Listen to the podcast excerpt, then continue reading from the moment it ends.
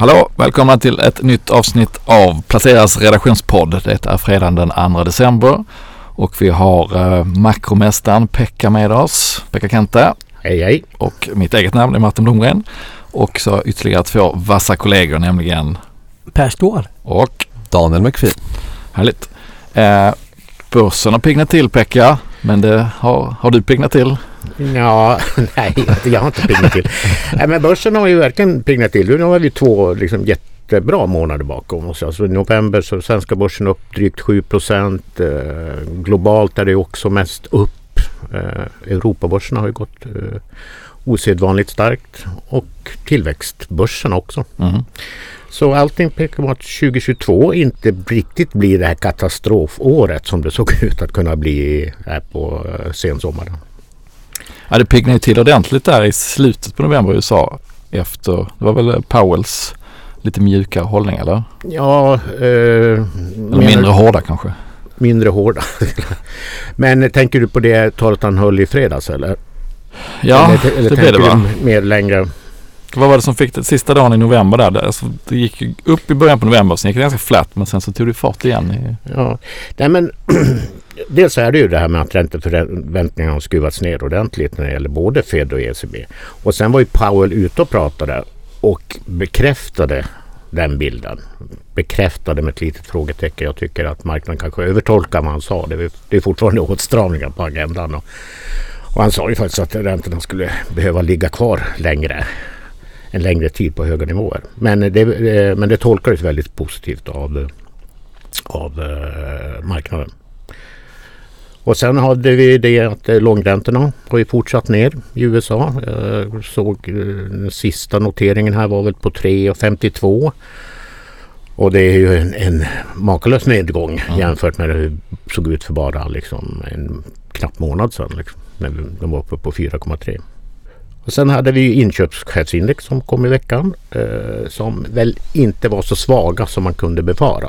Även fast det är fortfarande pekar ju kon- konjunkturkurvorna neråt men eh, det är fortfarande en mjuk landning av ekonomierna som är huvudscenariot. det är väl bra att de är lite svaga nu för börsen? Ja, ja, det är ju meningen och, och vi är ju inne i det här eh, att så länge eh, det blir mjukare, kommer mjukare makrosignaler så tolkas det positivt ur ur räntehänseende. Mm. Och så länge vi inte får några katastrofsiffror som makroområdet så ja, så, så eh, det, är, det är dit eh, en försvagad ekonomi. Det är vad centralbankerna strävar efter helt enkelt. Och det betyder att de inte, man har börjat få effekt med sina räntehöjningar och kanske inte behöver höja så mycket i framtiden. Så. Mm. Och en ytterligare faktor som har varit positiv för börsen nu på alla senaste tider det är ju att det har kommit lite positiva covid-signaler från Kina. Att man kanske kan lätta lite på restriktionerna trots en hög smittspridning. Det får vi se fortfarande hur det går då. Xi Jinping ska väl säga sitt innan, innan eh, vi kan eh, bekräfta att, att man släpper på restriktionerna. Men, mm. Ja, lite intressant. Det var ju någon, någon dag när eh, jag tror, reseaktien framförallt började gå ganska mycket på att man gjorde då tolkningen att de här protesterna och eh, allt turbulens kring det kommer innebära att man måste lätta på restriktionerna lite. Så att lite omvänd logik men att man säger att det, de tvingas nu till att rucka på den policy man har haft i vad blir det, snart tre år. Ja, det är ju- handlar väl mer om att man som, som eh, potentiellt sjuk ska... Det är mer en frivillighet i att man ska sätta sig i karantän och sånt där. Mm. Men, eh, och det är på lokal nivå de här besluten kommer. Vi får väl eh, vänta tills det kommer från centralt håll också. Men allt annat lika så är det ju definitivt positivt. Och sen har ju Kinas centralbank också lättat på sin penningpolitik och man har, eh, försöker ju eh, utöka stöden till fastighetssektorn. Eh, så det, och den kinesiska börsen har väl gått väldigt bra här på slutet också. Så är det. Och dollarn har tappat lite. Ja, och det är ju också positivt. Oljepriset har dessutom gått ner. Vi ser lite nedgång i livsmedelspriserna också.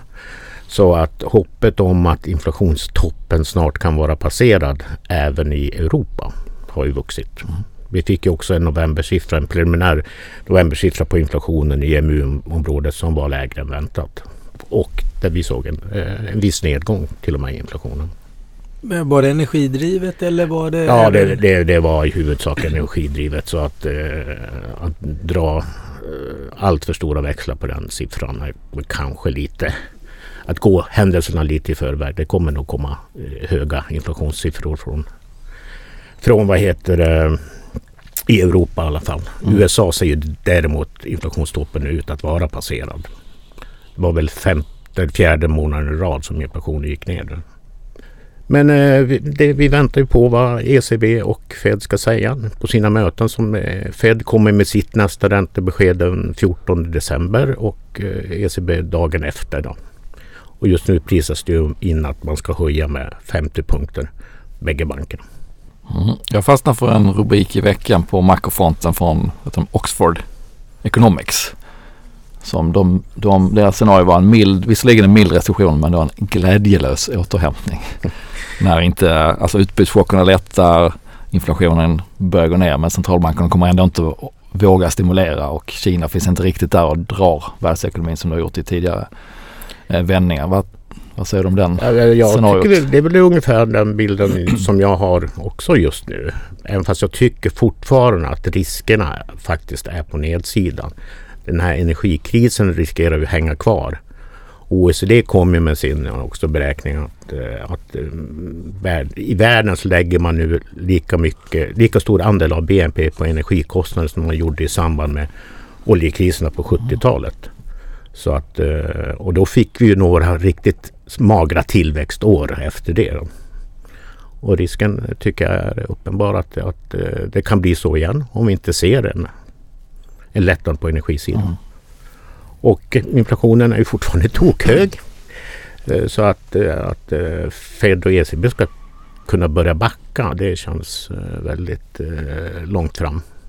Mm, ja, den här nedgången i energipriserna eller elpriserna i Sverige som vi hade i delar av oktober-november har ju helt vänts nu så nu är det rekordpriser igen. Ja, terminspriserna på både gas och elmarknaden. Visserligen så är det ju inte de här katastrofsiffrorna som vi såg i, tidigt i höstas. Men mm. det är fortfarande så att priserna kommer troligtvis vara högre den här vintern än förra vintern. Mm. Och hushållen börjar ju strama åt så att... Eh, mm. Ja, och det här stödet då som skulle komma till eh, för elkompensation. Det verkar inte komma förrän februari så det är en, det är en lång vinter här som konsumenterna då som vi har pratat om väldigt många gånger kommer att behöva ta sig igenom. Mm.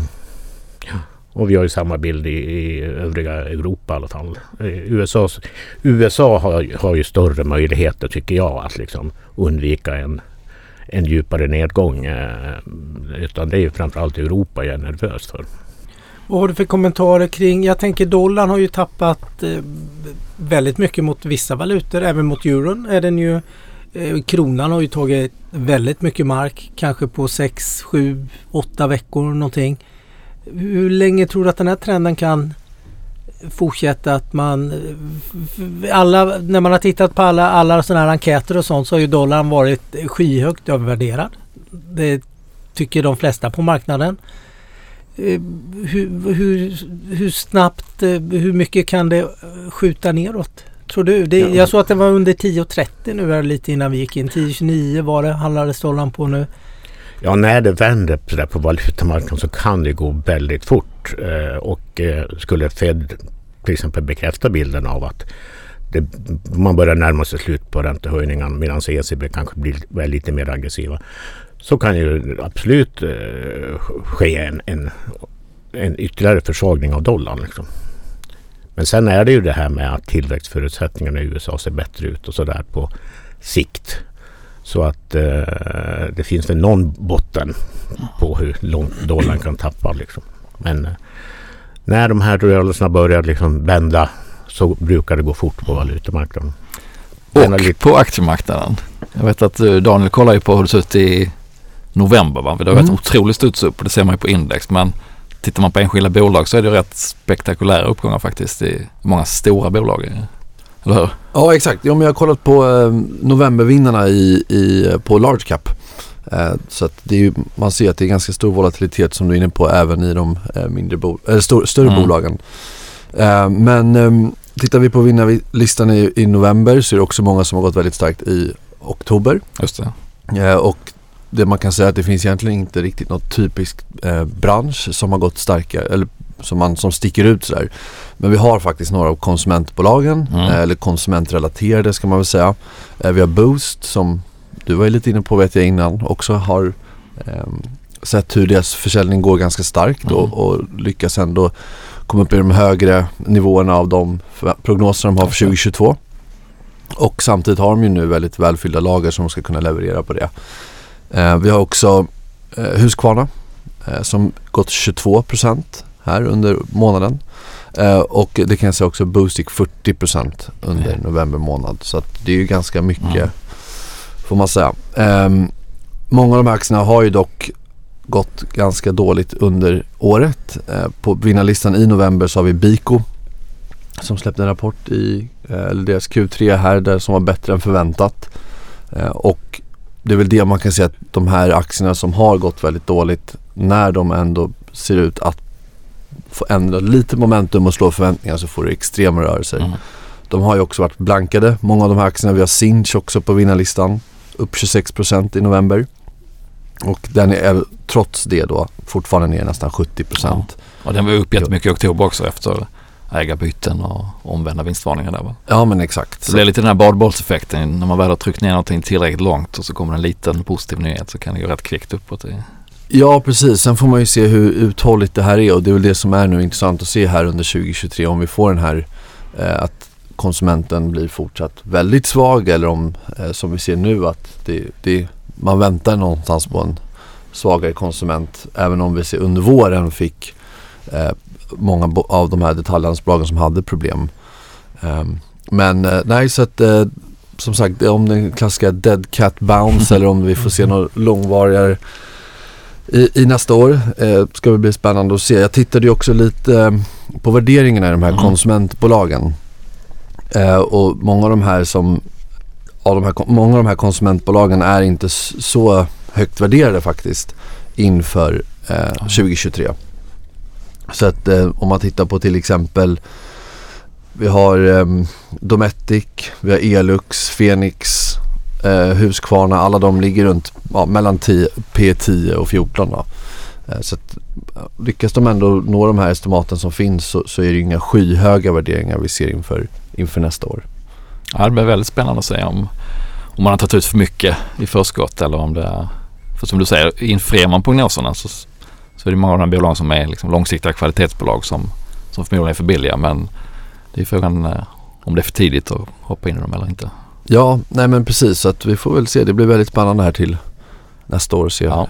hur det utvecklas. Men eh, det finns ju uppenbarligen bolag som har tagit väldigt mycket stryk som är inte brutalt värderade. Men det är klart, om vi får så illa som vi tror här i, Mm. eller 2023 att det blir riktigt illa, då är det klart att de inte är så billiga. Superstarkt november, starkt oktober. Allt följer faktiskt eh, börskalendern till punkt och pricka. Ja, Det är så det jag, brukar se ut. ja, men det är en vintersport. Det har Ja. jag sagt förut. Aktier är en vintersport och det är ju, man ska ju ta det med en nypa salt lite sådana här mönster. Men de tenderar ju faktiskt att oftare upprepas än vad de inte gör det. Och då kan man ju glädjas åt att december också är en stark månad. Ja, det är en stark månad. Jag kollade på eh, Stockholmsbörsen då, sista, vad blev det, 26 åren och fram för, för enskilda månader.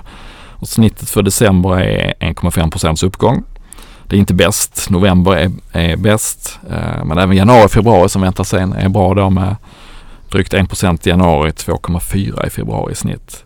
Men vad jag tyckte också var intressant är att eh, alla de här månaderna, november, december, januari, februari, det är väldigt bra hit ratio. Det är väldigt många eh, plusmånader i förhållande till minusmånader. Tre, tre av fyra gånger så går det upp de här månaderna så att det tenderar ju att, mönstret tenderar att upprepas. Så gör det inte det varje gång men eh, Det fanns väl man ska vara lite optimistisk. Så. Det var väl något år där det var riktigt kast i december va? Ja, senaste gången december var riktigt uselt. Det var ju 2018 och då var vi ju lite i det här skedet att det var på väg att komma inflation och Fed började höja räntan eller hade höjt räntan ett tag. Eh, sen blev det nästan som en falsk signal då, sen fick de sänka igen och, och sen så kom covid och hela, hela köret. Men eh, det som väl är lite positivt nu är att vi kanske är lite längre in i räntehöjningar och den har gått väldigt snabbt och aggressivt. Eh, och då överraskade ju Fed på, på uppsidan så att säga, att de var mer hökaktiga än vad man hade trott i december. vilket fick börsen att falla. Nu har det varit tvärtom då att de har överraskat genom att kanske vara lite mjukare än vad man hade Får man trott. inte glömma att Trump var ju inne då i december och eh, skällde ut eh, Just det. eh, centralbanken. Mm. Ja, vi hade ett annat, lite annat politiskt klimat i USA då. Men, då har vi ett bra kvartal framför oss. Det får man väl säga då. December, januari, februari. Ja. Tre månader som statistiskt brukar leverera. ja, även mars och april är plusmånader faktiskt i snitt. Och tittar man på alla månader så finns det en del som är minus i genomsnitt men det är ingen månad som, som oftare går ner än upp om man tittar i antal månader upp och ner. Så att det här med att vara långsiktig och kanske rida, rida ut de här nedgångarna och sitta kvar, det gäller ju fortfarande. Priset man betalar är att eh, det är jobbigt när det svänger men sitter man kvar så blir det oftast bra. Ja, du kan bli riktigt belönad. För jag gjorde ju ett litet nedslag på, du pratar vinnare. Dels, jag tittar alla globala sektorer nu, hur de hade gått i november. Alla är ju upp på de här 10 eller 11 huvudsektorerna då. Eh, varierat, råvaror var I klart. november eller? I, Ja, november. Ja, ja. De var Mm. klart bäst. Eh, till eh, lite utilities och eh, vad heter det? Tele, eh, teknik har ju inte har ju gått lite halvknackigt då. Men det var ändå plus då. Men bara för att se eh, bredden i, i uppgången då. Att alla sektorer ändå har Lyfter. följt med liksom i, i den här Mm. eh, ganska väldigt breda uppgången som Pekka är inne på. Du hittar tillväxtmarknader upp. Europa är upp. Även USA var ju upp. Men det var väl på håret för en svensk investerare som kronan har gått liksom marscherat på så mycket under november då. Så det var väl i jämnt skägg då. Mm. Men det visar ju ändå på bredden i uppgången. Mm. Men vad som slogs mig det var ju det som Daniel skrev att de här, det är ju ändå stora svenska bolag som ger sån här extrem avkastning på kort tid när det vänder. Och jag tittar då, det har blivit Europas största bolag nu igen, ASML, den Mm. här verktygstillverkaren får man säga. Nu lät det väldigt industriellt men de bygger verktyg för bygga Halvledare. väldigt avancerade halvledare. Mm. De har nästan gått upp 50% sedan de bottnade någon gång 12-13 oktober. Och nu pratar vi Europas största bolag. Nu är market cap, jag var ju tvungen att titta, det är 500 miljarder US-dollar. Ja. Ja, det är mycket, det, det är inte Apple men det är, det, det är stora delar av ett Ja. Apple. Och de har då genererat, nu har jag räknat om det till SEK då, 1500 miljarder SEK under den här börsvärdesuppgången. Ja, den här börsvärdesuppgången Ja. motsvarar eh, stora delar av Stockholmsbörsen. Eller en ganska Mm. stor del. Bara man ser den här kraften i, i uppgången då. Hur det även stora bolag kan generera så extremt mycket avkastning då på kort tid. Bara för att, jag tänkte återknyta till det du sa att är man långsiktig så visst det har varit en jobbig resa ner.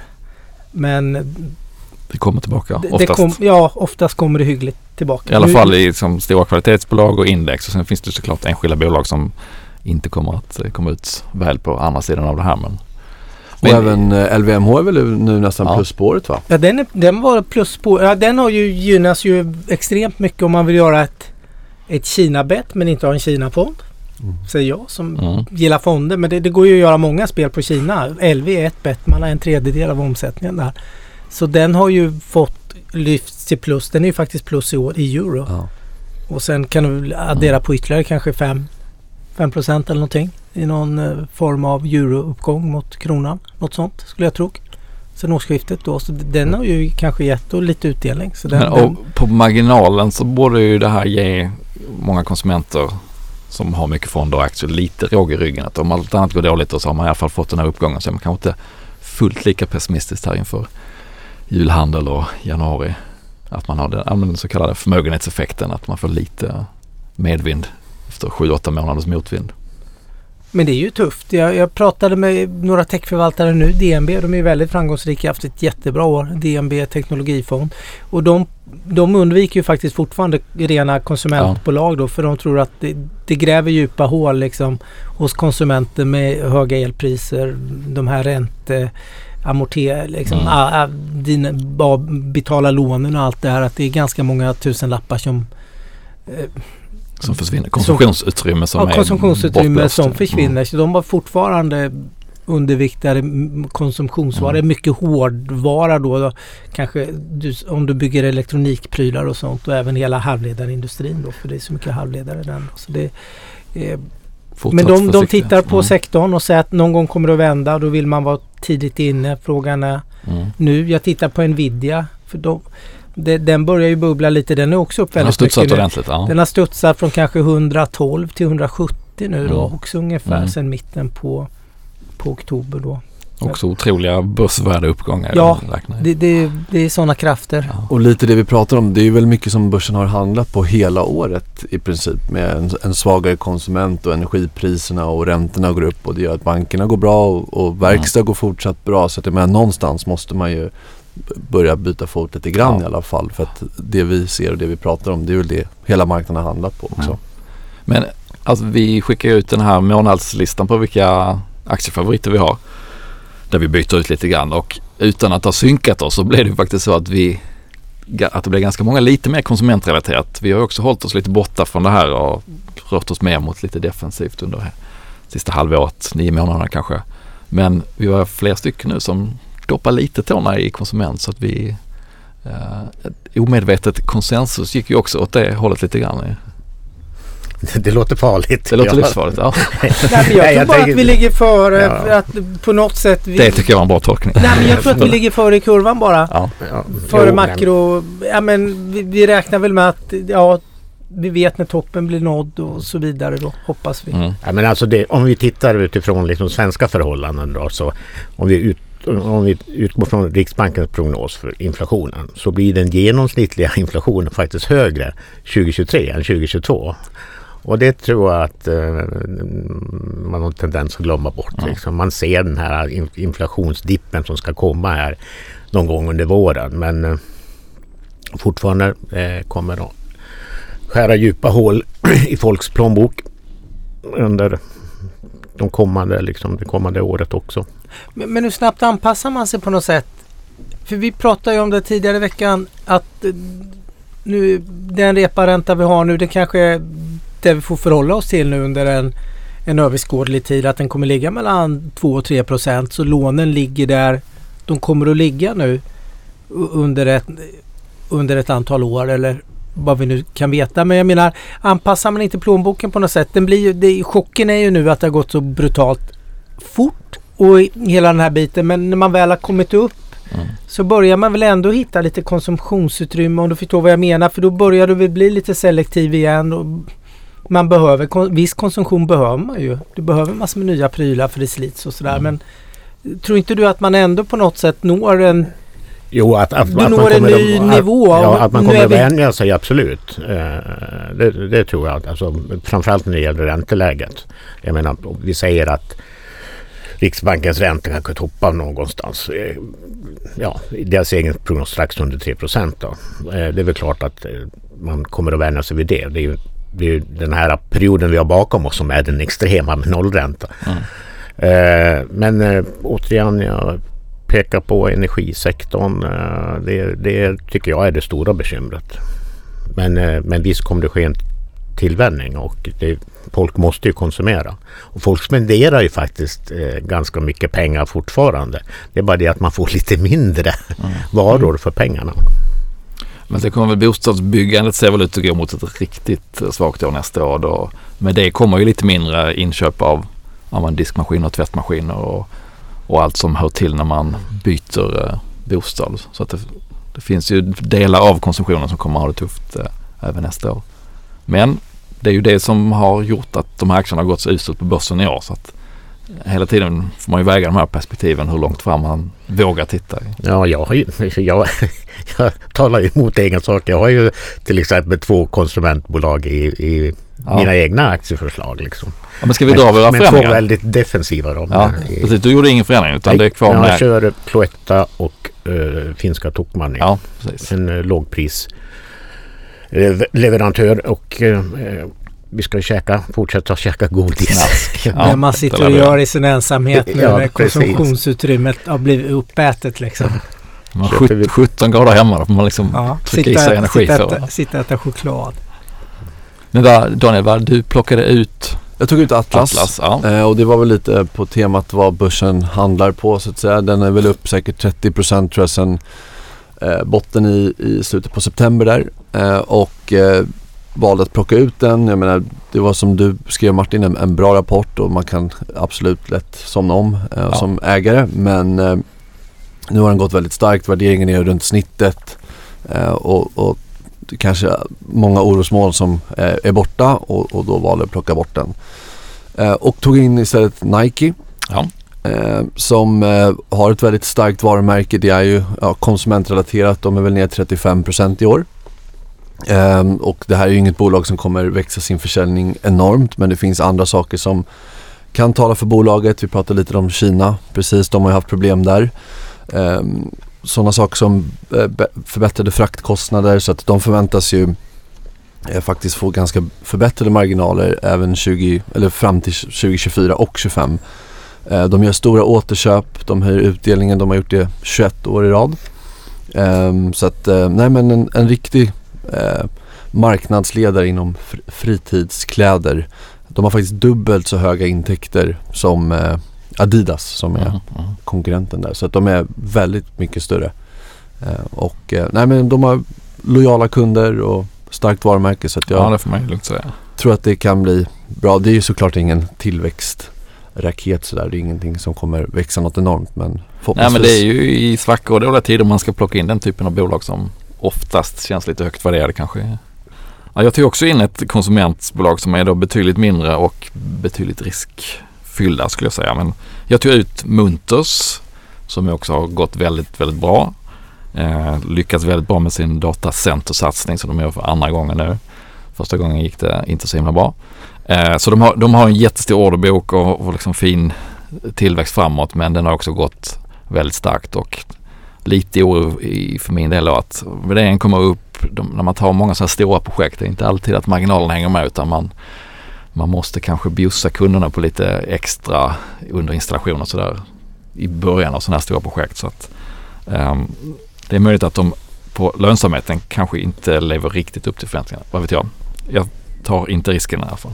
Utan jag tänkte att plocka ut den upp 50% nästan sen i somras. Eh, och ta istället in Björn Borg då. Mm. Kalsong och sportklädesbolaget. Och på temat att de hade en ganska bra rapport i förhållande till förväntningarna i alla fall. Förra rapporten var riktigt dålig och vad som jag tyckte var intressant var att före förra rapporten så såg man ju hur deras sådana här e-tailers, de som säljer deras kläder eh, på e-handel som Boost till exempel och Zalando. De hade kommit med rätt dåliga signaler ett par veckor, månader innan den rapporten så att man hade liksom fått en liten förvarning. Nu kommer då Boost med en omvänd vad ska man säga, en prognoshöjning. Eh, Så de har uppenbarligen kanske rensat ner lagren och kan börja sälja ut och då köpa in från Björn Borg igen. Och Björn Borgs egen e-handel var rätt så starkt faktiskt i rapporten. Eh, Så att hög risk men samtidigt kalsongdelen eller underklädesdelen är ju rätt konjunkturokänslig och speciellt här i jultider. Så att värt en chansning tyckte jag. Mm. Det var det bytet jag gjorde. Spännande. Ja, Jag, jag bytte ju också in mer konsumtion från... Jag tog bort ASML som Ja. vi precis har pratat om. Lite på samma, lite Atlas. Nu Atlas levererar ju till ASML då. Ja. Så det, det blir en bra övergång där. Men det, det, de har ju också gått så här 50 sen någon liten botten. Det var inte superbotten för den var i början på juli men det var en andra botten då eller hur man ska se det. I, i mitten på oktober. De har gått jättestarkt. Det finns lite frågetecken och det är ju Kina är ju ett frågetecken där för man får inte leverera. Eh, det, är problema, det är en viss problematik kring eh, det här handelskriget eller där mellan USA och eh, Kina. Där man inte, chip- det är chipakten där man då har eh, kommit ytterligare då att man inte ska få leverera maskiner då vilket sätter holländarna i kläm. De har ju två stora bolag, ASML och systerbolaget då, SMI och sen några japanska bolag då. Så det, det, det finns ju en viss problematik där lite som eh, Mm. Politisk risk. lite politisk Ja. risk. Vi, vi tar hem det eh, så länge får vi se. Den, den är ju ganska volatil för Mm. att vara så himla stor då. Så det, vi tar hem det. Vi köper Porsche istället. Konsumtion. Nu tindrar dina ögon. Lyxkonsumtion. Eh, på tal om starkt varumärke och Ja. jättetrogna kunder och de har gjort en sån fantastisk resa som får alla biltillverkare tror jag. De tillverkade 100 000 bilar 2011. De tillverkade 300 000 i fjol. Jag menar det, det finns en... Mm. De har gjort en sån resa som Mm. ingen har gjort. eh, Och hela, plus att man gör den här omställningen nu väldigt bra. Mm. 20- 2023, ett mellanår. Man kommer inte med några nya modeller. Men 2024, 2025 släpper man flera Elektrifierade. elektrifierade och helelektrifierade Mm. elbilar. Men det är en litet indexrace nu för de kommer sannolikt att komma med lite index här. Ungefär när centralbankerna har möte här. Jag tror att det är den 16 december så är det både Stocks stora breda Europaindex och sen är det dags för Mm. det är det spekulationer att de kommer att komma in då. Som är ett eh, extremt, eh, det är ju mycket derivatinstrument kring det och väldigt handlat då. Så det tror jag kommer att få en liten indexeffekt finns det. Och sen är det stabilt med, med extremt trogna Mm. kunder. Och det känns som de är väldigt konservativa i sin guidning och så här nu inför Q4 och så. Så det finns nog chans att eh, de kommer att kunna slå. De, de kom ju till bö- börsen i slutet på september när det var som mörkast. Precis innan det vände. Jag tror att det vände ungefär den dagen Mm. Ja, de blev börsnoterade. Eh, så de har ju haft en ganska bra resa såklart när du noterar den på en liten botten då. Så de är ju uppe runt 30 procent. Mm. Ja, apropå bilindustrin och handelskrig så är det ju en liten, litet krig under uppsegling mellan eh, Europa och USA.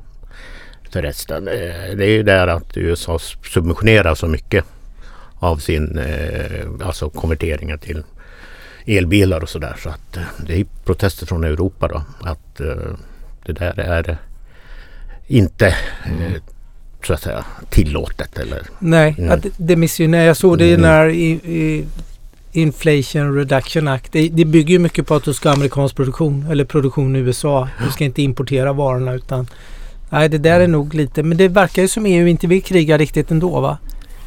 Jag, jag vet inte, jag, jag läste någon nej, signal inte igår. tagit, tagit, men, men jag vet att till exempel Frankrikes president Macron har ju tagit upp det med Biden och sådär.